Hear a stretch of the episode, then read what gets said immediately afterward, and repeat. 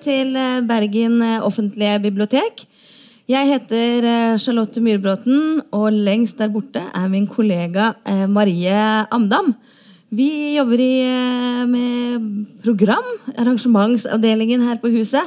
Og vi inviterer i vår og i, en, i høst til en serie som heter Foreldre og barn. Som dere kanskje vet, så vi allerede hatt Siri og Einar Økland på besøk.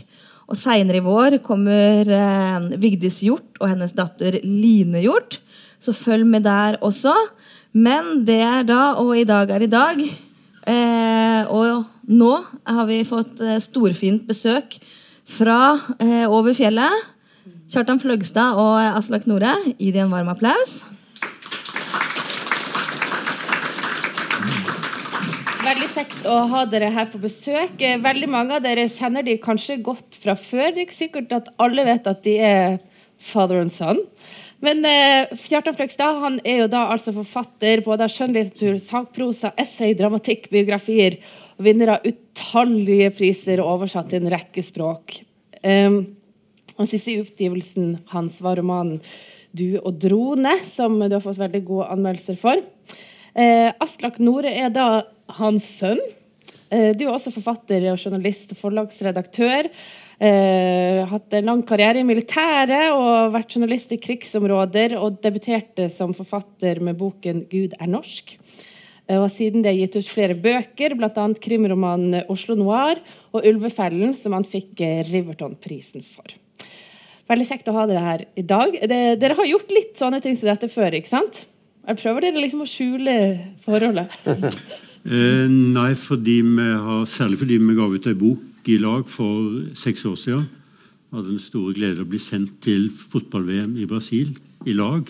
Og jeg må si at eh, et, et, stort øyeblikk i et forfatterliv da, det var da Aslak og meg kom ut fra Maracana stadion med sånne reiser alene-greier fra Fifa, der det står at vi kom inn på alle kamper vi ville. Oh. I, i hele... Dag Solstad har vel sagt at uh han holder den, eh, den, prisen høyere enn alle litterære priser han har fått, nemlig akkrediteringen til, til, til fotball-VM. Altså jeg husker vi satt der, for man må kjenne litt på de følelsene der når man sitter og Favorittlaget som vi hadde fulgt hele turneringa, nemlig Argentina, som vi hadde nært forhold til, de hadde slått Holland i semifinalen på straffekonk. Eh, vi satt i Sao Paulo. Kaldt, høstlig vær i Sao Paulo.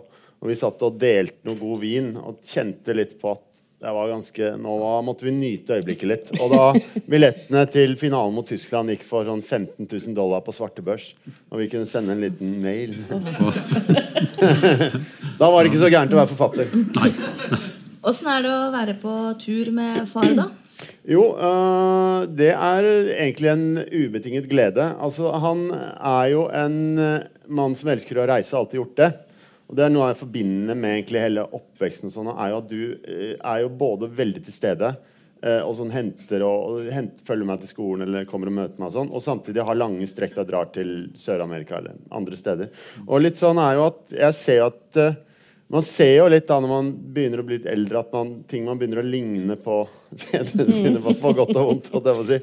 og en av de tingene er jo da at uh, han er jo veldig opptatt av å gå og ikke være turist. Altså å reise, men å opptre som en slags lokal. Innfødt. Uh, en innfødt. Så for eksempel, jeg har lært at uh, å ta fram et, i den tid man gjorde den, å ta fram et kart på gata i en by. Ja, det går ikke. Det er det verste du kunne gjøre. Og det er uh, og litt sånn, Jeg sammenligner jo litt med Jeg har vært med i militæret og sammenligner litt med den treningen som etterretningsoperatører i CIA og andre steder går gjennom. altså sånn Å skulle kjenne alle byer. De kommer til å pugge kartene over planene over byen, så du kan du vet akkurat hvor du skal gå. Og litt sånn, eh, så, så, sånn er det. Jeg har også opplevd han i Frankrike. Jeg bor der nå. At han, eh, at han, eh, at han, han har gått så langt som å til og med tilby seg å, å, å gå tur med bikkja for å virke som en lokal. så du kan aldri gå med sånn vannflaske og sånn på gaten? Og, eh, og shorts, for eksempel. Nei, rumpetaske. Nei, ikke det. Nei, nei, det. Pen, pen, kledd, og hvis du skal se på kart, så må du gå inn i et, bak i et smug og stå helt alene. Det er sånn Jason Bourne, vet du. og også kjøpe ei lokal avis. For eksempel ei avis på kinesisk når du er i Shanghai, så tror alle For å få litt stemning, da. Ja. Men eh, ja, nei, reising altså jeg, Vi var jo sammen da i Brasil, og det, det, var, det var, jo ikke dramatisk. Det var, gikk veldig fint. Det var en litt dramatisk episode. Da, det var på Maracana, tror jeg. Nei, det var presse, jo, pressesenteret på Maracana. Eh, da var det noen chilenske fans, eh, hooligans, vil jeg nesten takk, som ikke kom inn. Og klarte å bryte sperringene og kom springende gjennom pressesenteret. Og der satt vi. Og det, Dette ble jo da skrevet om. Men det Aslak da gjorde, han så på sin gamle far og liksom passa på at jeg var i, i trygge hender. Og så, så jeg, ja, Da var det kanskje den gamle, gamle Telemark. Eh, bataljonssoldaten som, som visste det, og det gikk bra. Men du har jo litt rykte på deg for å være litt glad i det, det farlige, rett og slett. Er dette en myte, eller er det noe den litt mer voksne Aslak Nore fortsatt eh, kjenner på? Jeg kjenner nok på det, men jeg gjør det jo mye mindre nå. da, fordi eh, og Det er jo sånne kjedelige argumenter som at man har fått et barn og litt sånne ting. da, Det er litt mer upraktisk å gjøre det. men jeg er ikke noe sånn, jeg er ganske redd når jeg gjør det, men jeg har alltid en sånn glede av å, å, å dra til skumle steder og alt sånt som overstyrer litt de andre tingene der. da. Men jeg er ikke noe sånn enorm adrenalinjunkie, egentlig. Men jeg har Det er et eller annet i meg som syns at Som, som nok speiler noe veldig eh, følelser jeg hadde som veldig ung. da, Av, av, sånn drømmen om å dra ut Uh, oppdage liksom disse bøkene jeg satt og leste om sånn eh, liksom senviktorianske oppdagere i Afrika eller i, gjennom ørkenen og sånne ting. Og, som fikk indianerprinsessen til slutt. Liksom. Og det satt nok på en eller annen måte Det har alltid vært sånn, et sånn grunnmotiv i mange av tingene. Som jeg ser Altså Man gjør jo alltid ting av mange grunner. Man gjør ting både av egoistiske og altruistiske grunner, av aktverdige, gode grunner og av mer sånn egoistiske grunner. Det gjelder oss alle. i alle ting vi gjør. Uh, og det er nok litt sånn, Hvis du ser på tilbake på sånn å være i dra i militær eller og, til utlandet med det, eller å drive og farte rundt i Midtøsten og alle disse stedene her, så er det nok elementer av det der, ja. Åssen har det vært uh, for deg som far da, å ha en uh en sønn som har gjort eh, mye som blir sett på som eh, farlig. Har du liksom vært en som har støtta og støtta denne ja, oppdagertrangen, ja, ja. eller har du vært eh, bekymra høne? Jo, men nei, hovedsak det første. Altså, jeg syns at det har vært tøft og, og modig. Og så er jeg veldig glad for at uh, han ikke har gått i mine fotspor. Noen fotspor har han jo fulgt, men altså, når det gjelder verden Jeg har ikke, aldri vært i Midtøsten, f.eks., og der har Aslak da vært i de mest uh, farefulle områder, tror jeg. Altså inn i det som ja, der, altså ISIS, det som ble ISIS-området veldig kort tid etterpå, husker jeg. jeg visste jo da, Du vet jo ikke hvor farlig det er når du, når du Men, uh, men iallfall og Afghanistan og slikt. Så, uh, så det har jeg vært glad for at han har liksom utforska andre deler av kloden enn de jeg har hatt. Men så har vi jo da hatt noen felles uh, felles reisemål. Eh, jeg kom til, eh, til Sør-Amerika ganske tidlig og har liksom pleier å skryte av at eh, litt etter dagsformen og etter hvor lenge jeg har vært borte, sånn, at det er mellom 18 og 23 latinamerikanere. Ja. og der har du òg vært. Du har bodd et år i Guatemala, f.eks. Ja, ja. Som han arbeider ett år som frivillig i i samskipnaden til Kaffedyrkersamlaget i Guatemala. Ja, og du har bilder av det ute på landsbygda og gjør gode gjerninger. Ja. Deler ut eh, ja, eller. Deler ut uh, dem å lese og skrive. Nei men, er, uh, nei men, det er jo klart at Latin-Amerika den er jo sterkere i andre deler av familien. Men siden det du spurte om, var det med eh, om, om, Jeg har fått veldig mye derfra. Altså. Nå er jo, Vi snakka litt om det nå. Nå er kanskje liksom den hvert fall sånn, Den tradisjonelle turismen føles jo litt sånn passé nå. Det å dra mm. på helgetur til Barcelona og alt det der. Og det er jo både enten handler om klima eller handler om på en måte overturisme eller alle mulige sånne ting. Men, eh, men det er klart at øh, og, og, likevel øh, Det å på en måte kunne oppdage en ny verden er en fantastisk, et fantastisk privilegium. da. Mm. Dere fremstår jo ganske sånn samkjørte. Har dere alltid vært like gode venner? Eh, ja, jeg tror det. Men vi er jo veldig uenige om mange ting. Jeg tror jeg, mm. Politisk, f.eks. Ikke heldigvis. Jeg syns det er veldig bra å, å bli, altså, det å bli konfrontert med at eh, det, det, blir, det er ikke noe ekkokammer i, i heimen. Altså. Hva er det som skiller dere mest, da? Eh, nei, skal jeg forklare det fra min side? Jo, altså, jeg er jo, eh, er har jo liksom vært sosialist i misskrift og virke alltid. og Aslak er vel en slags Har sosial vært eller er fortsatt? Er Det fortsatt. Jeg har vært og er, og er jo mer og mer, liksom. Nå har, jo, nå har jo klokka stoppa på 1936, så nå er det jo plutselig Ja, ja. Nå er det in fashion, det du driver med nå. Ja, ikke sant, det ja. blir jo kanskje presidenten i USA. ja, ikke sant, så det, ja da, nei, så, nei, det er veldig medgangsbølge der, da. Men nei, men Så jeg tror det, der er det en forskjell. Og jeg, jeg syns jo at eh, liksom du er for snill med Vesten og mot oss. da, Jeg syns vi gjør verre ting rundt omkring i verden enn en mange andre. og at Jeg syns Nato er en farlig organisasjon osv. osv. Og har skrevet om dette, og her får jeg da motbør. Ja, for som det eksempel, nå er jo er. Bernie er jo da Nato-tilhengeren i det amerikanske valget mot Nato-motstanderen Trump. Hva sier vi om den? Eh, han, er, han er jo ikke Nato-motstander, da, Trump. vet. Nei, nei han, han, hvis, NATO bare, hvis Nato bare betaler for seg å kjøpe nok amerikanske våpen, så er Nato veldig bra. Det er jo, det er jo, I parentes er det det Nato handler om, at, eh, at Europa skal kjøpe amerikanske våpen, slik at våpenfabrikkene og flyfabrikkene i Midtvesten holder koken. Ja, det er Sanders også opptatt av. Ja. Mm. Når eh, Siri Økland og Einar Økland var her sist, så fortalte jo eh, Siri at det å vokse opp med en forfatterfar kunne være litt eh, flaut av og til. Eh, særlig fordi at Einar Økland gikk med noen røde kålfløyelsbukser. Eh, og det syns hun var ganske flaut. Eh, har du hatt noe sånn eh, Har Kjartan Fløgstad vært en karakter? Har det liksom vært en sånn person som folk i vennekretsen din visste om? Kan du kjenne på noen av de følelsene? Nei, ganske lite, egentlig, for han er veldig opptatt av sitt på en måte, sitt, uh, sitt folkelige alibi. da, og, Mm. og, og på, og ikke, Man kan jo selvfølgelig parodiere det, men det er, er egentlig ikke, faktisk. fordi det er det var noen rare ting. da, Du hadde ikke kjørte bil og sånn. Men det er jo igjen sånn det er, Jeg må si du er ganske moteriktig i 2020 nå. da, altså Sanders og, og sykling og ja, Han kjører mye free, da. Men uansett, nei, så det var, eh, det var lite mm, Egentlig ganske lite av det, altså. Jeg, syns, jeg, kjente, jeg kjente jo noen andre som hadde forfatterfedre. Jeg kjente jo sønnen til Ole Robert Sunde, f.eks. eksempel Han var en mye mer sånn utrert figur, da. Naturlig nok. Vi spilte jo fotball mot uh, sønnene til Ole Robert Sunde. Ja, eh, På, på Blåisen en plass, i et Ja. juleselskap. Ja. ja, på, så, nei, så egentlig ikke. Men fordi det der greiene der med sånn uh, Jeg pleier vel å si at det, det med å være forfatter er sånn Det er noen, en eller annen som har, klok person som har sagt at det er den riktige graden av berømmelse. Du er på en måte kjent nok til at du får bord på en bra restaurant, og så er du ukjent nok til at du kan spise middagen din i fred. Og det er litt sånn, da. Så det er jo ikke det samme som, tror jeg, da.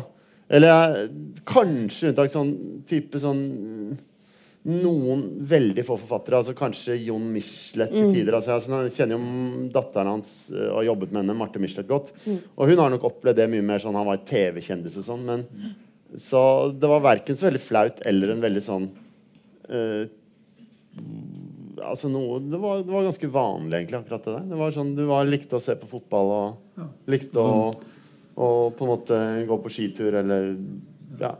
Og der vi bodde i Oslo, bor, jeg bor i Oslo ennå, var det jo slik at det var, altså, det var jo folk som hadde yrke. De var skuespillere og forfattere, kanskje. Eller, det, altså, det var ikke noe særsyn. Eller, og så vil jeg, jeg vil legge til at er, jeg har ikke tenkt så mye klart om pedagogikk. Jeg har tatt som det har kommet, liksom, og sett det an. Så, men en ting jeg var veldig klar over, at jeg skulle ikke pushe verken Aslak eller søsteren min til Guro, til å bli de elevene som, som sto foran eller som på 17. mai-avslutninga som sto der med blokkfløyta eller, eller deklamerte Wergeland eller noe slikt. Det, det var jeg veldig klar Vil ha helt vanlige barn som Ja, ikke Ja, de er veldig opptatt av det, og det, det kan være litt nerverende noen ganger. Ja. Altså, Den er fokus på vanligheten hele tiden. Ja. Men uh, Nei, så hadde vi også, gikk jeg i klasse med Anders Danielsen Lie, den Mm. senere berømte skuespiller, og sånn, og han tok seg av alle hovedrollene i Han- skuespillene. Ja. Og alt det der. Han var på På beste vis. ja, ja, altså Han var klassens totale duks. På alle mulige måter. da Hvordan, eh, Du var litt inne på det nå, men hvordan endra livet ditt seg og skrivinga når du eh, fikk barn? Jeg spurte de på Twitter om det var noen som liksom brant inne med noen spørsmål. Da fikk jeg et veldig konkret et. Og det var på hvilken måte satte Aslak sitt preg på fyr og flamme. Jaha. For eksempel, da har vi det utgangspunktet ja, ja. der. Hva er farsgjerningen? Hvordan, eh, hvordan Ja. kom den på deg? Ja, nettopp. Nei, fordi jo, altså Aslak ble født 78, da, og da hadde jeg nettopp gitt ut Alen Portland for. Det var ikke mye måte på. Så det var veldig sånn. Men, eh, og da flytta vi fra, fra en slumleilighet midt i gate i Oslo, kona mi og meg, opp til en mer fasjonabel eller standsmessig leilighet på Sankt Hanshaugen. Eh, og der var det en gammel plaskedo ute i gangen som ikke fungerte som plaskedo lenger. Og som jeg innre, ominnreda til et lite kontor. To ganger to meter, tror jeg. Et lite skrivebord. Og der satt jeg når eh, Han var en snill, snill baby. Snill og grei baby. Sånn, så der satt jeg og, og skrev uh, 'Fyr og flamme' mens du var mellom to og Nei, null og to år. Det var ikke noe pappaperm da, vet du. Var, Nei, nei, papp, nei, og, nei men eh, så, altså, det ble, det, kan si mye, men det er iallfall denne boka her.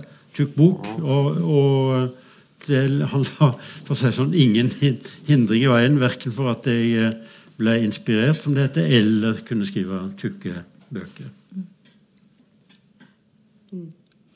Men apropos da, skriving. Eh, har, var det liksom, nå sier du at ja, nei, det- du ville ikke at jeg liksom skulle skille dere ut. Og så, men ble du litt oppfordret til å holde på med kunst, eller sånne ting, eller har du liksom funnet din egen vei med Nei, Overhodet ikke. Ja. Nei, det var veldig lite sånn. Eh, Ja. Det var mye mer fokus på Altså, ja, sånne historier som vi hørte hele tiden. Da. For eksempel at uh, du var jo veldig stolt da du hadde møtt en, en, en eh, senere general vel i Forsvaret i, i, som hadde påpekt at Fløgstad har en jævla god BK-OP. Og Nå vet kanskje ikke alle av dere hva en BK-OP er, men det er da ikke en jævla god forfatter. kan jeg røpe. Det er nemlig en veldig god bombekasterjeger eh, i bombekastertroppen. Og, og litt sånn var det, da. At det var de tingene der hele tiden. Men, men ikke sant, så er det jo sånn at det blir jo innhentet, da, fordi summen av alt man prater om, summen av alt det der, vil jo på en måte legge en føring. Eller i hvert fall eh, gi en mulighetsrom, da. Som gjorde at eh, selvfølgelig var det snakk om, om bøker, om, om politikk, om alle greiene der. Kolleger, ikke minst. Ja, ja. Kom innom. eh, Så, så jeg følte veldig For jeg jobba første ordentlige jobben jeg hadde sånn utenom eh, Altså som første sånn liksom seriøse, ordentlig Den type jobb jeg hadde, var da jeg var kulturjournalist i Klassekampen sånn da var det i 20-årene. Eh, I 2003 til 2004. Og da følte jeg veldig at jeg kunne flyte veldig på hele greiene hadde derfra. Liksom. Og så ble det jo Så må man jo da ta noen skritt, da, og da dro jeg til USA og, og utdanna meg litt mer og, og leste meg litt mer opp, da. Men altså, inntil da så var det mye av den som kom fra det som hadde vært snakka om rundt kjøkkenbordet. Og da, da du dro til USA, til New School eh, University i, eh, i New York City, da var på kom ville komme tilbake som rødglødende sosialist. For jeg hadde hørt om New School var liksom grunnlagt av, av, eh, av eh, altså mest jødiske emigranter, og hadde veldig bill, liksom image av å være et radikalt knutepunkt nærmest i Oslo. Men det vil si at de lærerne du hadde da, det var en annen type. Det, Det var bl.a. den veldig legendariske britiskfødte journalisten Christopher Hitchens. Som jo var en, eh, en Han var jo en gammel trotskist og var jo veldig trent i hele den sosialistiske kanoen. da Bare så det er sagt. Men han var jo samtidig en eh, han var jo da et sånn Han var jo heiagjengen for Irak-krigen og en del sånne ting som det, men en litt sånn legendarisk figur. da så det er klart at det var mye av den hele den Neocon-greia, som i dag Dette er jo 15 år siden nå, men det virker veldig lenge siden. På godt og vondt. Men, eh, men ja, det er riktig, det. Var en annen. Men samtidig, New var jo også et eh, Ja, det var nok mye desillusjonerte raddiser her, da. Og så var det eh, nyliberalismens triumf eh, ti år, på en måte. Alt så, ut, altså, alt så ut til å gå den nyliberale globaliseringas vei i verdenspolitikken, og liksom peka i den retning. Så, og mm, sånt som slike ting som jeg og noen få andre drev med stadig, var, var liksom ikke Jeg tror du forveksler litt med 90-tallet nå, faktisk. Fordi Ja, men- dette var jo ja. 2000-tallet. Må huske på at eh, en by som New York var jo jævlig prega av uh, hele både 11. september og ettervirkningen av det og sånn. Og det er klart at For uh, det var det som var det avgjørende der. At det For det som jeg Det som jeg oppdaget da, var jo på en måte at det jeg hadde drevet med på uh, da jeg var soldat i Telemark bataljon. Da var vi i Bosnia i 1999 som del av en Nato-styrke. Og det var jo da uh, på en måte de gode humanitære intervensjonene, hvis man kan si sånn. Da, der Nato med, i, på forskjellige måter klarte å, frem, å, å, å få fram en våpenhvile i, i, en forferdelig krig som hadde kosta veldig mange menneskeliv. Og der du følte, og der også den parten man ble sett for for å beskytte primært var de bosniske muslimene da, mot de ortodokse kristne serberne og katolske kroatene. Så med andre ord, da, det var noen sånne ting. Og når hele det den bakgrunnen jeg hadde der Jeg skal ikke påstå at det valget var så veldig politisk og, øh, da, jeg, da jeg dro dit, men det var noe i ettertid så tolka jeg det sånn. Og når det kom sammen med hele den svære svære debatten som gikk i USA om på en måte hva vi skulle gjøre med Altså om det var riktig å, å intervenere militært i andre land. Mm. Gjerne Irak, da, men også Afghanistan i 2001 f.eks. Og da altså, ble altså, det en det var jo et sammensatt bilde. Jeg husker vi var på avslutninga som ble til New School, som foregikk i Madison Square Garden. Kjempe, altså Masse folk. Og der skulle han John McCain, som eh, var presidentkandidat for en stund siden, I 2008. Ja, skulle eh, holde avslutningstalen. Og det var altså beinhard eh, De snudde ryggen mot ham på scenen og ropte mot ham. Uh, han, han, la ut om politikk, og så siterte han uh, Yates, husker jeg, leste dikt. Og så vendte han tilbake til prosaen, og så brøt det sånn More poetry! altså, Amerikanske sånn, ja, ja. radiser er gærne. fordi de lever i det Amerikanere er så Det er så utrert kultur. da Jeg har bodd der mange år. det er litt sånn på mm. Men Er det litt det du ser, eh, det du nevnte med eh, amerikanske radiser? Ser du liksom en tendens at det blir arva? Eller det er en påstand at liksom det politisk korrekte fra eh, amerikansk venstreside med bevisstgjøring og trigger warnings og alt det her Um, ser du liksom noen norske forhold i det som er arva fra altså, det du beskriver? prøver å ikke ta så veldig del i de debattene nå lenger. Og er ikke så veldig engasjert i dem. bare så det er sagt for det første. Og det er nok noen sånn Det vil jo være ting. Men det jeg tror med USA, er jo at på godt og vondt så er det jo en sånn bjellesau som verden alltid De aller meste kulturelle trender begynner stort sett der. da, For mm. veldig mange. Og, eh, og, det er jo selvfølgelig sånne ting som det der, men det er også sånn Det er jo åpenbart at uh, skal man få noe Skal man finne noe som helst form for løsning på klimakrise, eller sånne ting som det, så er det sannsynligvis fra California eller sånne steder det kommer fra. ikke sant? Mm. Det er, så det er på godt og vondt. da. Så mm. tror jeg at det er en del at den blir importert. Ja, men den, USA og Norge er to helt forskjellige land. Og det er veldig veldig ulike kontekster dette oppstår i. da. Amerikanerne er ja, de er mer Eh, det er en kultur som hele tiden dyrker ekstremiteter da, i alt de gjør, mens vi i Norge pleier å møtes i mye større grad på en eller annen form for dialogisk eh, eh, midtpunkt. Da. Og det tror jeg er bra når det kommer til sånne ting som det er. Så ja, det vil helt sikkert være masse å irritere seg over hvis man irriterer seg over sånt, om på en måte en eller annen Twitter-tirade mot det ene med det andre. Men jeg tror ikke det blir som i USA i det hele tatt. Mm.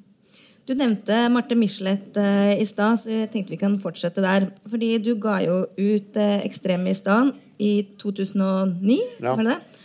Og da var uh, Marte Michelet uh, uenig med deg i bokens prosjekt. Og sitat Aslak sitter i det trygge, private tilværelse oppmuntrer nordmenn til å være livredde for det flerkulturelle samfunnet. Han sier 'kjenn etter, er du ikke litt urolig for fremtida'? Og dere debatterte jo dette her en del eh, også. Eh, jeg tenker den, eh, Jeg liksom kikka tilbake på den debatten om ekstremistan. Eh, var ikke det prosjektet her utrolig forut for sin tid? på et jo, vis? det er jeg veldig glad du sier, faktisk. Ja, det er fordi... utrolig mange bøker uh, der nå. Mm. Og dette vil jeg gjerne at du også skal eh, kommentere ja, etterpå. Men hvis jeg kan begynne med å si et par ord om det. Fordi uh, det er jo Det var masse greier, og egentlig det var klart, Da fikk jeg masse masse kritikk, og alt det der og, men det var også veldig Kanskje vi sier litt hva boken handler om? Ja, nei, Det var en bok om, om det flerkulturelle Norge. Da. Hele hovedtesen her var at det skapte en større sånn eh, Et samfunn som ble mer ekstremt på godt og vondt. Da. Der mm. på en måte innvandrere ble overrepresentert i både som utdanningsvinnere og utdanningstapere. Mm. Som de minst kriminelle, men de mest kriminelle. Som de som ikke deltok i fotball, og de som var på landslaget. Mm. Altså osv. osv. osv. Og det var jo, det var mange som ble sure, da, og så kan diskutere eh, alt dette her. Men det jeg Jeg så jo nå at det var en forsker for Institutt for samfunnsforskning som skrev en kronikk for, uh, for uh, noen par-tre måneder siden, der han påpekte dette her da, at ja, vi ser en tendens nå empirisk, statistisk, i at innvandrere utmerker seg som både de som gjør det best og dårligst i samfunnet. Han grunnla dette med masse empiri. da. Og da måtte jeg nok tenke sånn at vet du hva, jeg husker så godt den, liksom den der litt sånn døve hånlatteren som det prosjektet ble møtt med av nettopp de samme som nå kom og sa det var sånn Dette var enten gammelt, nytt eller sånn. Alle sånne ting man bruker om ting man ikke liker. da. Jeg husker også jeg satt med professor Grete Brochmann, leder av Brochmann-utvalget. Det var lenge etterpå. men... øh, og hun så sa jeg at jeg hadde lyst til å ta opp spørsmålet om forholdet mellom tillit til velferdsstaten og innvandring. Og hun var sånn Dette var på bakrommet. Så hun sånn Ja, nei, det er det ingen forskere som tør å ta opp. Og ja, det er spennende, men vi er litt engstelige for det. Og så uh, og så gikk det fire måneder, husker jeg vi satt og debatterte boka. Og da sa Grete Brochmann ja, men dette med tillit og innvandring det har vi samfunnsforskere vært opptatt av i mange mange år. Så poenget er at det som var litt gøy med den boka, det var å nettopp tror jeg da, å ta utgangspunkt i noe som var veldig personlig, nemlig en sånn følelse av å ha vokst opp i denne virkeligheten på 90-tallet særlig i Oslo, og så prøve å fortolke den. Jeg sier ikke at den var perfekt på noen måte, men det er en bok jeg er ganske stolt av etterpå, faktisk. Jeg tenker at ja, ble, fikk en slags virkningshistorie. Hva tenkte du når eh, ekstremistene kom ut? Jeg har ikke teoretisert så mye om dette emnet, men jeg har sett det på altså sett eh, barna mine vokse opp i eh, den byen som, eh, som er grunnlaget for at Aslak skrev ekstremistene. Og eh, mine, bor midt i Oslo, bodde midt i Oslo. og eh, Altså, Jeg så jo ikke så mye til det, altså, til det ekstremt vanskelige. Stort sett så var det en prosess der det, altså det at eh, Oslo var en eh, kosmopolitisk by, ble gikk fort og, og, og ble naturlig. Og mine barn de hadde ingen problemer, så det ut til, å, forholde seg til det. Og da vil jeg skyte, Det er et sidespor, men allikevel, da vi kom til Oslo i 1985, flytta tilbake til Oslo, så kom vi fra den delen av Norge som virkelig var, hadde vært kosmopolitisk i 200 år, før eh, resten av Norge ble det. Altså Øst-Finnmark. Der vi bodde i fem år blant eh, russere, nordmenn, svensker, finlendere, samer, eh, kol- skoltesamer. Språkblanding, kulturblanding. Så det var en totalt eh, der var det, så jeg ikke at, det heller var enkelt, men det var en helt eh, liksom naturlig, en naturlig røre, på en måte, som, eh, som begynte å komme i Oslo eh, omtrent da du flytta dit, tror jeg. Ja, jeg gjorde det. Nei, men det er jo klart, dette var ikke noe Det var ikke at vi lå søvnløse pga. den virkeligheten, nei, men det var en ting som kanskje ble opplevd sånn på den tiden her. da, Mye, mye vann har rent i elva siden den gang, for å si det mildt. Men da det, tenkte man kanskje at det var en del folk, og kanskje særlig folk som tilhørende en del av venstresida, som kanskje hadde litt berøringsangst på de spørsmålene der. Og da var det å være litt sånn Det hadde vært Altså ja, vi var oppvokst med det og hadde sett både de eh, Både det uunngåelige og, og det fine med det, men samtidig også de vanskelige tingene. Og det var Syns det var dags å ta opp den. Og det oppdaga jeg veldig. Jeg husker da jeg drev og reiste mye rundt med den boka, spesielt i Oslo, eh, at det var veldig mye Det var helt andre folk som kom på de bokarrangementene og sånn. Ja. Og det var, altså det var en sånn Hadde en sånn Jeg kjente ingen som satt i salen. Noen. Jeg hadde ikke sett noen. Mens det var, det var folk som på en måte kjente at her var det et eller annet som traff dem. Da. Og det er jo det man syns er fint som forfatter òg. Du ville ikke valgt en litt mindre tabloid tittel hvis du skulle gjort det igjen nå? eller? Jeg vet ikke.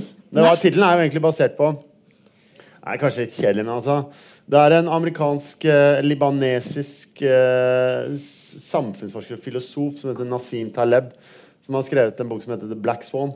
Eh, som handler om uforutsette hendelser og hvordan de spinner ut av kontroll. Eh, Enkelt og altfor kort fortalt. Og Poenget med eh, han er at han sier at eh, eh, han sier, Hele ideen hans som ekstremistan er at uh, et lite ting kan påvirke og ha store konsekvenser. Han sammenligner med Han sier f.eks. at noen av uh, fenomener, f.eks. naturlige fenomener, følger såkalt mediokristan. Og For å forklare det, så er det sånn at hvis det er 1000 mennesker i et rom, og det kommer et verdens høyeste menneske inn, så endrer gjennomsnittshøyden seg med kanskje så med en halv centimeter. Men hvis det er 1000 mennesker i et rom, og verdens rikeste mann kommer inn i det rommet, Jeff Bezos, så endrer gjennomsnittsformuen seg helt ufattelig mye. Og det er nettopp uh, det er et eksempel på dette. her. Så det var en slags tanke bak det, mm. som ikke bare var tabloid. Eh, Kjartan, du har også kickstarta en ganske voldsom debatt eh, litt nylig tid om eh, klasse og identitetspolitikk, mm. som strakte seg fra Norge til Frankrike. Mm. Og den franske forfatteren Edouard Louis. Mm. du skrev noen linjer om han i i boka di, som ble løfta veldig, som førte til en slags brevveksling. Eller ja, en debatt i Morgenbladet og litt utenfor òg. Kan du si noe eh, om den, og hva det gikk i? Ja, eh, Edvard Louis er en, forfatt, fransk forfatter som egentlig het Eddie Belguel. Belguel. Belguel. Belguel, Belguel. Han bor i Frankrike. Eddie Belguel, som, eh, som, kommer fra en liten industriby av Danke industriby i Nord-Frankrike.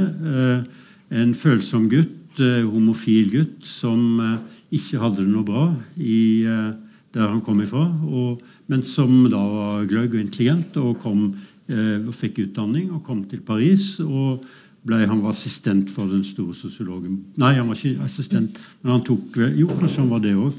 Han, han, var i hvert fall opptatt av Bourdieu, da, den, den, franske teoretikeren. Og kom liksom inn i, det, inn i, det, inn i det, den franske intellektuelle eliten. Og så skrev han en, en litt av sjølbiografisk bok som het 'Farvel til Eddie Belguel'. Der han Bel Gull. Gull.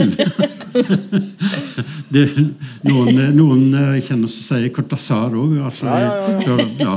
Nei, Belgull. Eh, vi mener Eddie Belguel. Som, altså, boka het 'Farvel til Eddie Belguel', der han han, Men du mente han svarte arbeiderklassen? Det, ja, jeg kommer dit. Der, ja. han, der han med brei penn skrev at alt i Alancourt ja.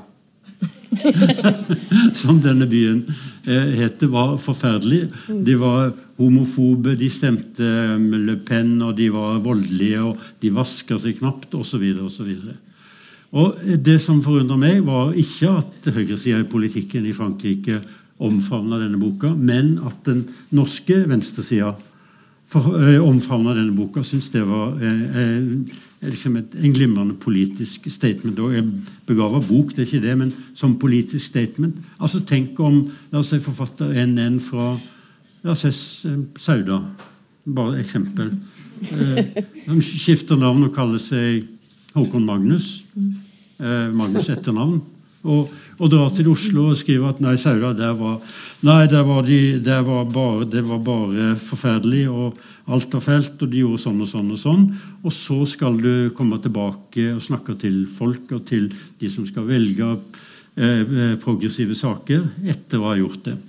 Eh, jeg mener at eh, sånne bøker de eh, produserer presidenter som Donald Trump i USA, og de produserer parti og støtte til partiet som Nasjonal Front i Frankrike. Så det var mitt min, min, min tolkning av den boka, og det var, for min side var det det den debatten handla om. Hva mener du liksom, mangler i norsk litteratur om arbeiderklasse i dag? Eller liksom den norske arbeiderlitteraturen? Eh, hva som mangler? Ja. Eh, nei, altså, altså, Klassebegrepet er jo mye vanskeligere å, å bruke i dag. Altså, Klassebegrepet slik eh, vi kjenner de fleste i her forsamlinga kjenner, bygger jo på den klassebevisste industriarbeideren, mm. som også fysisk og sånt sto skulder ved skulder. Og sto på samme arbeidsplass og visste hvem, de, hvem som var deres like, og hvem som var motpart. Det er jo slutt eh, på at, at, det er så enkelt eh, som det var da. Men allikevel så tror jeg det går an å organisere eh, folk solidarisk, men på andre måter. Og da er svaret på spørsmålet litt at det er ikke så altså Noen har jo gjort forsøk på å skrive om dette, men det er mye vanskeligere enn det var når du beskrev solidaritet på en industriarbeiderplass, og, og, og beskrive solidaritet blant prekariatet. Det er jo et navn som alltid blir, ofte blir trukket fram. Det er en som heter Dale. Eh, som har skrevet ei lita bok om da han var Han jobba på flaskerommet i, eh, ja, i, på en solo, solo, på et solotapperi, eller, eller noe sånt. Eh, så eh, nei, her der trenger altså de nye forfatterne som skal ta tak i slike emner, prøve å få folk til solidarisk handling, eh, de har en oppgave, men det kommer nok. er mitt Sist du, eh, sist du, var her i fjor i mai, da sa du en ting som jeg hang meg litt opp i. For Da sa du at du etterlyste mer oppbyggelig litteratur om arbeiderklassen. Mm. men må man ikke skildre sånn som for Edvard Louis' del, så var jo den virkeligheten eh, Den var jo han, så han kan jo ikke lage et mer romantiserende eh, bilde, selv om det kan virke eh, svertende. Må man ikke beskrive den arbeiderklassen som finner Eller som er der Eller sin egen opplevelse, da? Jo, det, er det man gjør, men det er ikke sikkert den egne opplevelsen er den riktige opplevelsen. Det finnes mange skildringer av for til og med en liten nordfransk by. Og det fant mange skildringer av, eh, av uh, virkeligheter i uh, Norge. Og uh, det å hevde som, det som lå som nærmest implisitt i hans beskrivelse, var at det er ingenting å hente i, i folket lenger, eller det folket han kjente. Der var alt slutt. Der var det bare det var en ren dystopi. og slik at vi skulle frigjøre det, Den eneste måten å gjøre det på var å reise, skifte navn, dra til Paris, eh, bli fullstendig underkasta de, de koden, kulturelle sosiale kodene som gjelder for overklassen. Det er jeg grunnleggende uenig i, og ikke bare jeg er uenig, men det er grunnleggende feil, og det er arrogant, og det vil, eh, vil det motvirke mulighetene til å føre en, en, en, bedre politikk enn det som i store deler av Vesten blir ført i. Ja. Nesten, jeg føler nesten at han tok deg delvis litt på ordet med den neste boka si, mm. 'Hvem drepte min far?' Akkurat som han har tatt litt kritikken til seg og gir faren en stemme og en mer human karakter. I, på slutten av boka så takker han jo også Morgenbladet. Jeg vet ikke om det er liksom jo, jeg hadde, jo, jeg hadde en følelse av det samme, så han har nok forandra litt uh, holdning. Og så var det, det en ting var den unisone uh, bejublinga i Norge. Mm. Det var ikke slik i Frankrike. Der ble den lest mye mer kritisk. Og, og denne boka, altså 'Farvel til Eddie Belgøl', ble lest mye mer kritisk og, og lest ut fra politisk mm utgangspunkt. Altså høyresida omfavna den, og på venstresida så, var det, så var det mange kritiske innvendinger i, som gikk i samme retning som de, de jeg hadde. Så den, den, den norske, norske, debatten ble veldig underlig. Jeg tenkte ja, hvis dette er venstresida, hvis venstresida er å si takk for Hvis du kommer fra utkanten, så kommer deg til hovedstaden og, og, og underkaster deg fullstendig de, de, kodene du møter der. Mm. Da er det takk farvel for meg. Da er jeg left of left, eller jeg vet mm. ikke. Så. Guttene skriver ikke oppbyggelige arbeiderklassebøker. Man skriver noe krim, da. Det er vel arbeiderklassens sjanger på et vis. Hva sier dere til Nei, jeg tror, nei, jeg tror, nei, jeg tror ikke det. Nei, jeg trodde det. Jeg, trodde det. jeg, jeg, skrev, jeg har skrevet et par krimbøker for 50 år siden. Mm. Eller noe sånt. Under pseudonym. Og jeg trodde liksom også at det var å tale til um, et, en annen lesegruppe. Men erfaringa mi da var at de som, de som, da hadde lest de bøkene, var stort sett overleger i, i um, indremedisin. altså det var Jeg tror den, uh, jeg tror den uh, Det er en kortslutning å tro at det, det er en annen sosial Eh, altså, eller for å si det positivt, da. Jeg har en erfaring av at eh, noe av gled, den gledeligste erfaringen av å skrive tjukke romaner, og noen kaller det vanskelige romaner, er at du får eh, reaksjoner fra lesere fra alle deler av samfunnet. Hvordan opplever du dine lesere? Er det liksom hele samfunnsspekteret? Ja øh, Nei, jeg er litt øh, Det er klart, jeg tror kanskje også at krim er en sjanger som Min personlige tese er at jeg tror krimsjangeren vil slite mye mer mot øh, mot strømmetjenester og sånn som det enn mange andre litterære sjangere. Fordi den er, er en direkte konkurrent for det. Sånn tidtrøyte. Mm. Er klart en spennende krim er men hvordan mine lesere Nei, altså det er litt sånn Med den siste, den som vant den prisen og, og ble veldig sånn fikk god kritikk og sånn, da var det nok eh, Det var Altså det var jo veldig sånn at Den kunne man jo gi til liksom sånn snobbete litterater og, uten å rødme liksom, si mm. bra. Og det er kanskje litt problem med den også. Mm. At sånn at på en måte den eh, For var, jeg nevnte det da jeg ga ut en bok om innvandring i Oslo, sånn ekstremstand. at da følte du veldig at de som kom, var helt andre typer folk. Mm. Eh, og det var bare det var, eh, ja, det var, det var, folk som bare hadde en eller annen interesse av dette, på, kanskje på et personlig plan. Hva vet jeg. Eh, mens eh, her er det mer sånn vanlige boklesere. Liksom. Det er ikke noen stor forskjell, tror jeg, på de som leser den, og de som leser, eh, de som leser en annen roman. Da. Den siste. Så, men Men Nei, så hva angår, hva angår krim jeg, jeg, jeg, vet ikke. Altså, jeg er ikke så opptatt av de inndelingene der heller, egentlig. Jeg tror at uh, den, den, ulvefellen da, den kan leses som en slags historisk roman. Og, uh, og må ikke nødvendigvis Den har en del sånn krimelementer i seg, men ikke bare det. altså. Men er du like opptatt av klasse som pappaen din? Nei, jeg er jo ikke det, på en måte. Det er jo litt sånn hva du Nei, altså, og det er vel litt sånn hvor er det man kommer fra? da? Mm. Hva er man opptatt av? Altså, hva er din bakgrunn? Du har jo din bakgrunn i, i, i Sauda. da, mm. Og med altså sett hele, og med i industri eh, altså i industrisamfunnets liksom, glansdager. da, Og på en eller annen måte, og den følelsen der er jo jævlig sterk. ikke sant? Og for meg så er det er jo ikke sånn, da. Det er klart det er noe annet. Mm. Og så kan jeg kjenne litt på det sånn Altså, ja, enten det er da F.eks.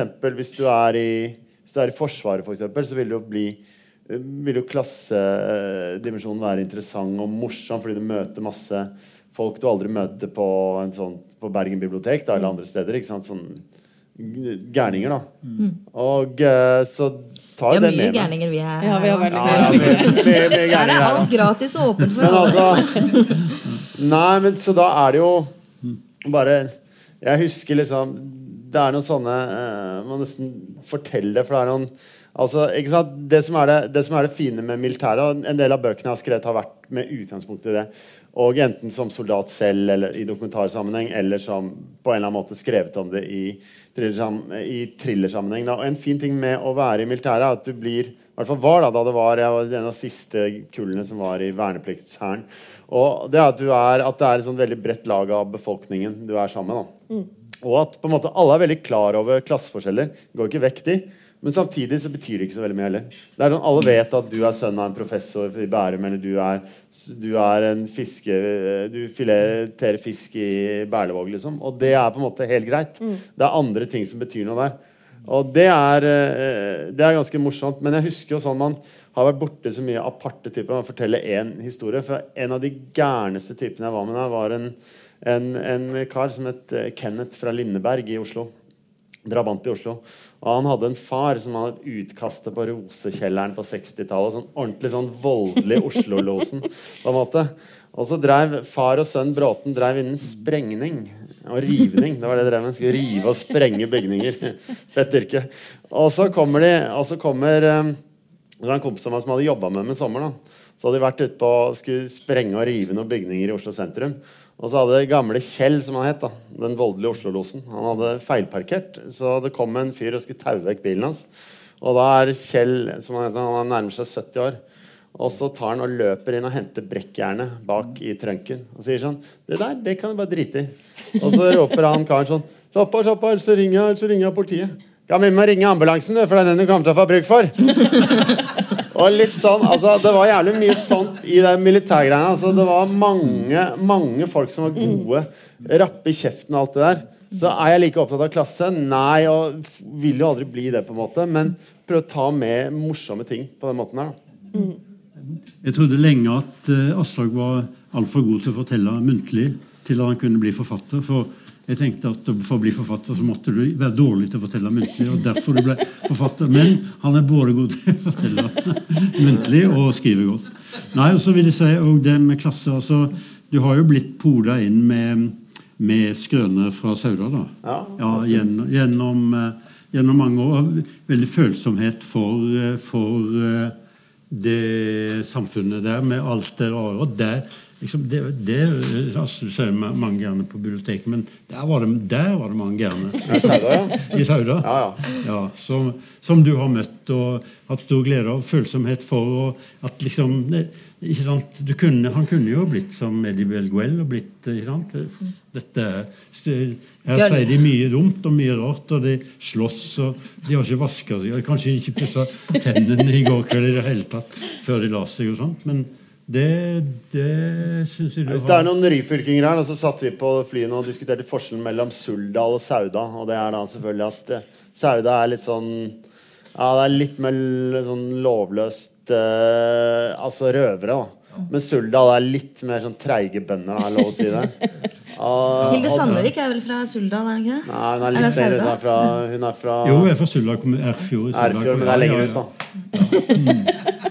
Hun er på grensen. Ja, men hun er jo ja, ja, men, men de er mer skikkelige der, da. Veldig. Så det er en del sånne ting. Så det er klart at det å prøve å, å, å være opptatt og skjønne de der eh, greiene der, syns jeg er kjempegøy. Og det er jo en fantastisk morsom jævla gøyal kultur ofte òg. Mye mm, gøy som kommer ut av det. Og jeg hadde en far som var veldig god å fortelle og imitere. Og jeg blir, har overtatt litt. Jeg kan, liksom, noe, kan liksom imitere bergensk, Si. Altså sånn generisk. Og jeg kan snakke stavangersk. Altså litt sånn. Men han der, han er mye Han tar personer, liksom. Så han har arva da den der Det som var en Og som er i, i liksom, folkekulturen en veldig viktig del av underholdnings...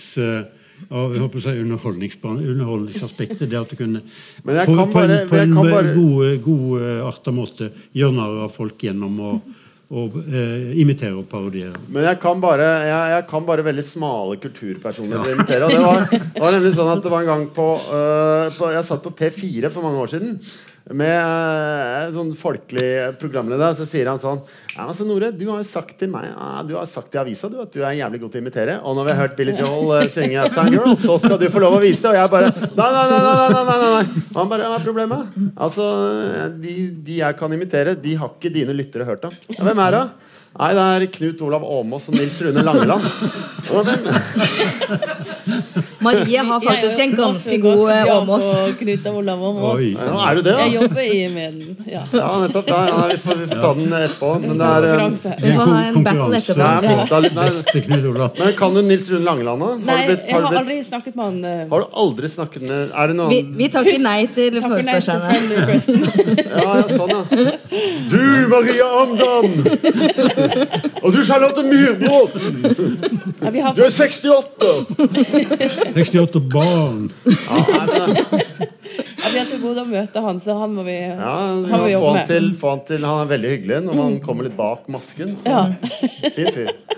Jeg tenker vi må snakke litt grann, eh, om skriving òg, for nå går det snart mot eh, slutten. Eh, les todelt spørsmål. Litt Liker dere det å skrive, eller liker dere når dere er liksom ferdig å skrive? Er det gøy å være i skriveprosessen?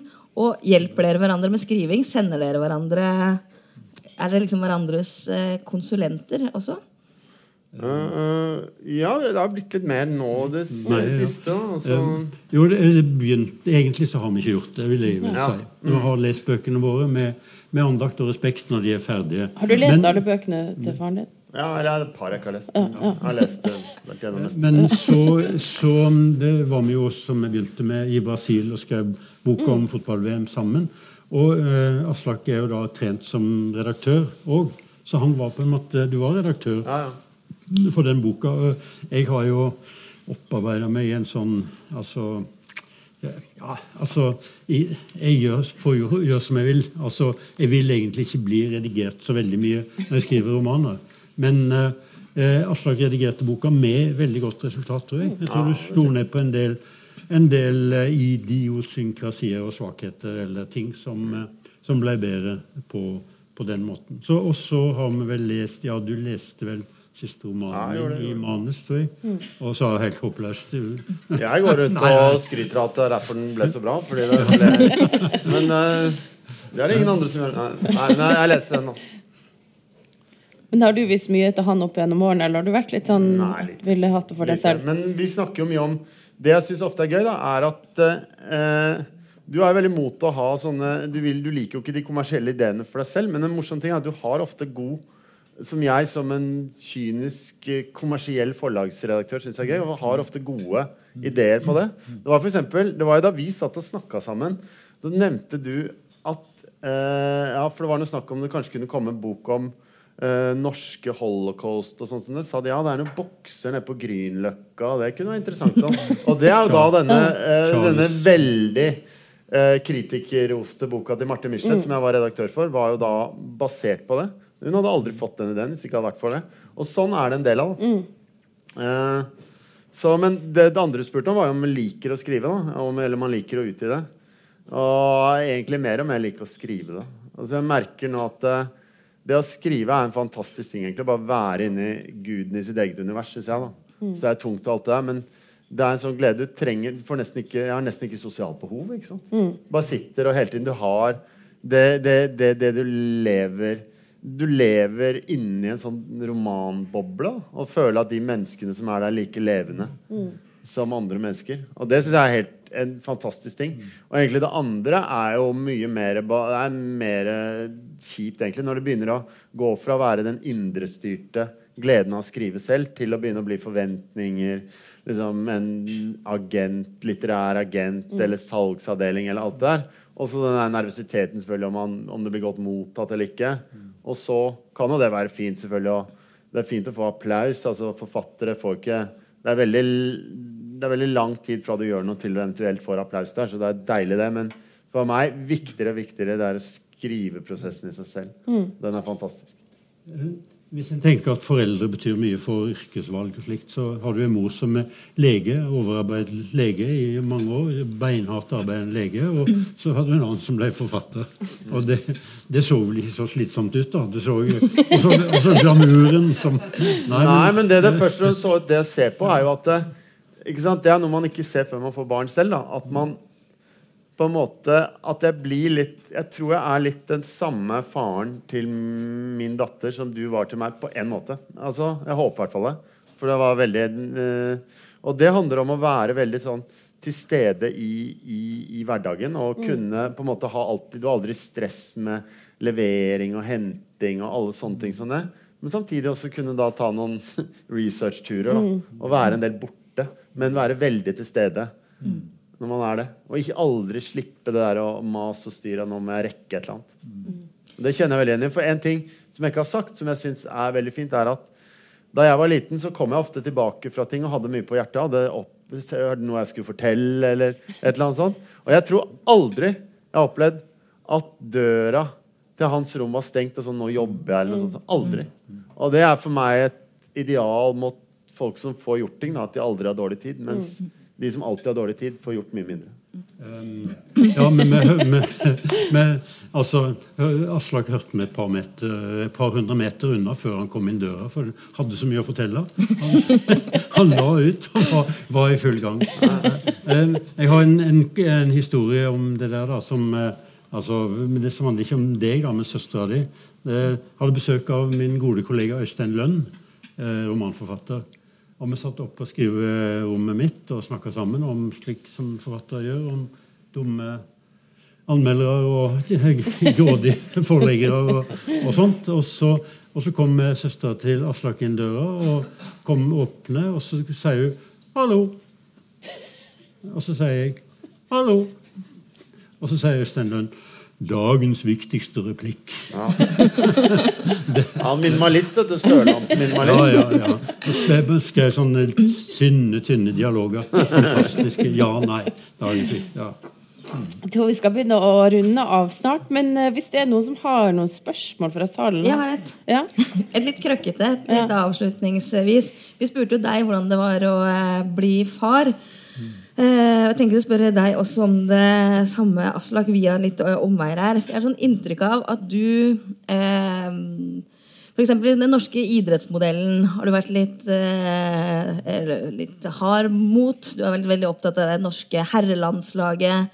Eh, vært litt krass når det kommer om eh, topping av lag og barn og idrett og sånn. Og så ser jeg liksom eh, på dine tweets, da, nå er det litt eh, Ada Hegerberg og kvinnelandslaget, og du skriver om at man må lese kvinnelige forfattere. og eh, eh, Du har fått et, eh, du har en, en ung jente, har du ikke det? Ja. Har, Ja. har, du blitt, har, det, har du blitt mjukere til eh, sinns? Ja, kanskje. kanskje. Ja. Kan nok tenkes det. Men det er litt med alderen òg, da. Ja. Testosteronnivået går ned etter 40. er det? Men eh, nei, det er nok noe i det. Altså, men jeg, har blitt, jeg merker at jeg er mye mindre opptatt av politikk. Da, at jeg sitter mye mer sånn At jeg har mye mer venninner og sitter og diskuterer noen relasjonelle ting. og Geir Gulliksen er mann, mann, Men han han er litt da, er en ganske feminin mann. Men altså sitter og diskuterer sånne ting mer enn sånn politikk og hardtslående greier. Og det er nok bare en sånn Jeg vet ikke, kanskje en sånn litt sånn tilbaketrekking. da Føler at liksom det er såpass elendig der ute på det politiske plan. Altså det er Nå får de unge ta over og gjøre sitt, liksom. Og så får man heller bare leve Jeg vet ikke, men det er eh, Men jeg tror det er noe i det. Tror det er noe i det. Men som også både tror jeg da Jeg tror du er inne på det, altså. At det handler mye om å, å, å være i en annen livssituasjon. da Altså med et mye mer etablert samliv og barn og, og sånne ting. Det gjør noe med hvordan man ser på de greiene der. Men igjen, det er samtidig sånn at uh, Det er mange som blir feminist når de får sitt første jentebarn. Ja, og så er det mange som slutter å være. Ikke? Ja, men altså Ikke fordi de får jentebarn, men fordi de får barn. Ja, sånn, ja. ja. Men eh, eh, Nei, så da er det Nei, men jeg, jeg, jeg tror det. Altså, synes det, er, det er klart at det er mye viktigere. da Altså Tenke på de greiene der. Samtidig så må man ikke glemme at man har den derre Altså Det er en sunn impuls tror jeg å kunne på en måte dra ned litt sånn der norsk feiring av seg selv iblant. liksom Og sånn typisk nå, da. Nå er jo fordi vi har fått fram Haaland og Ødegaard. Så er det sånn, Nå er liksom vår modell best igjen, selv om den var elendig for tre år siden. Så det er sannsynligvis så er det Ja, det er fantastisk at vi har fått fram dem, men det forteller ikke så mye mer. da Men likevel, jeg vil jo at datteren min skal ha det bra når hun spiller fotball, selvfølgelig. Eller hva hun måtte ha lyst til å gjøre. Nå veit vi at dere skal på researchtur til Fana i morgen. Kan dere helt sånn avslutningsvis eh, si noe kort om eh, hva slags eh, prosjekter eh, dere står i nå, og hva folk kan vente seg? Det kan jeg få bare begynne. Altså, jeg har et kort svar. Jeg skal være sidemann på bil. Ja, ja, ja, uff a meg. Uh, nei, det er jo noe Bergen, da. Jeg tenker jo sånn at uh, jeg ville nok vært ganske Jeg ville ikke vært veldig komfortabel hvis jeg skulle på en måte ta over for Gunnar Staalesen som den store bergensportretøren. Men uh, samtidig så er jeg veldig fascinert av eh, jeg er veldig fascinert for eksempel, av overklassen i Bergen, da, som jeg synes er mye morsommere enn den kjedelige nikkers-overklassen med laftede hus borti Oslo. Det er mer dekadent her, da. Mer eh, på en måte Og det er jeg nok opptatt av å prøve å finne litt ut av nede i Fana. Ja. Så jeg har tenkt meg ned til den derre villaen til han derre Toro Riber, som var på salg. Hvis noen vet om noe hull i gjerdet der, så man kan snike seg inn, så Så bare si fra etterpå. Vi gleder oss. Det er veldig mulig å låne bøkene til disse to eminente mennene her. Eh, tusen, tusen takk for at dere ville komme. Veldig hyggelig. Eh, veldig kjekt. Takk. Takk for praten. Ja, Takk for praten. og så takk til dere.